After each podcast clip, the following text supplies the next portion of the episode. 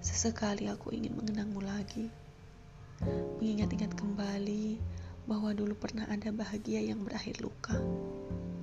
Aku yang dulu pernah mencintaimu dengan sangat dalam. Aku yang dulu pernah begitu percaya bahwa kau akan menjadi alasan bahagia satu-satunya. Aku pernah menanam banyak doa-doa di dadamu, memupuknya agar terus tumbuh dan semakin bertambah. Dengan tabah ku jaga hatiku untukmu. Namun ternyata kau enggan merawatnya. Kau memilih melepas paksa hatiku demi dia yang demikian kau cintai.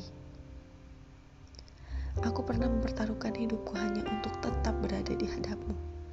Bahkan saat kau tak lagi peduli dengan apa saja yang aku hadapi. Aku tetap saja ingin selalu memperjuangkanmu.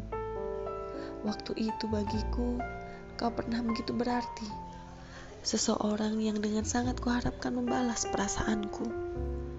Orang yang tak lagi ingin ku ganti dengan yang lain. Namun akhirnya kau tetap memilih orang lain.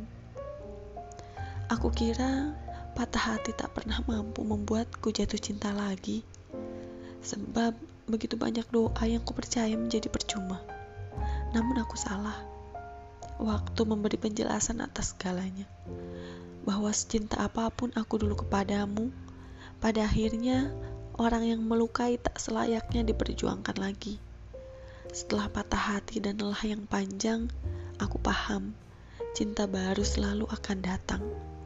Meski patah hati bisa saja terulang, tidak ada alasan untuk tidak bahagia.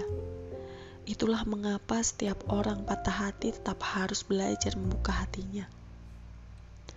Aku tidak seharusnya mengingatmu yang tak lagi mengingatku. Aku paham betul saat seseorang memilih pergi untuk hati lain, artinya dia tidak layak lagi kembali.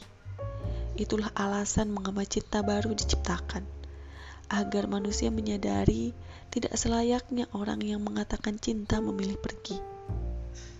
Jika nyatanya kau tetap pergi, tanamkanlah untuk tidak pernah lagi meminta kembali karena bagiku, lebih baik patah hati dan kecewa oleh orang yang berbeda daripada dipatah hatikan dan dikecewakan oleh orang yang sama.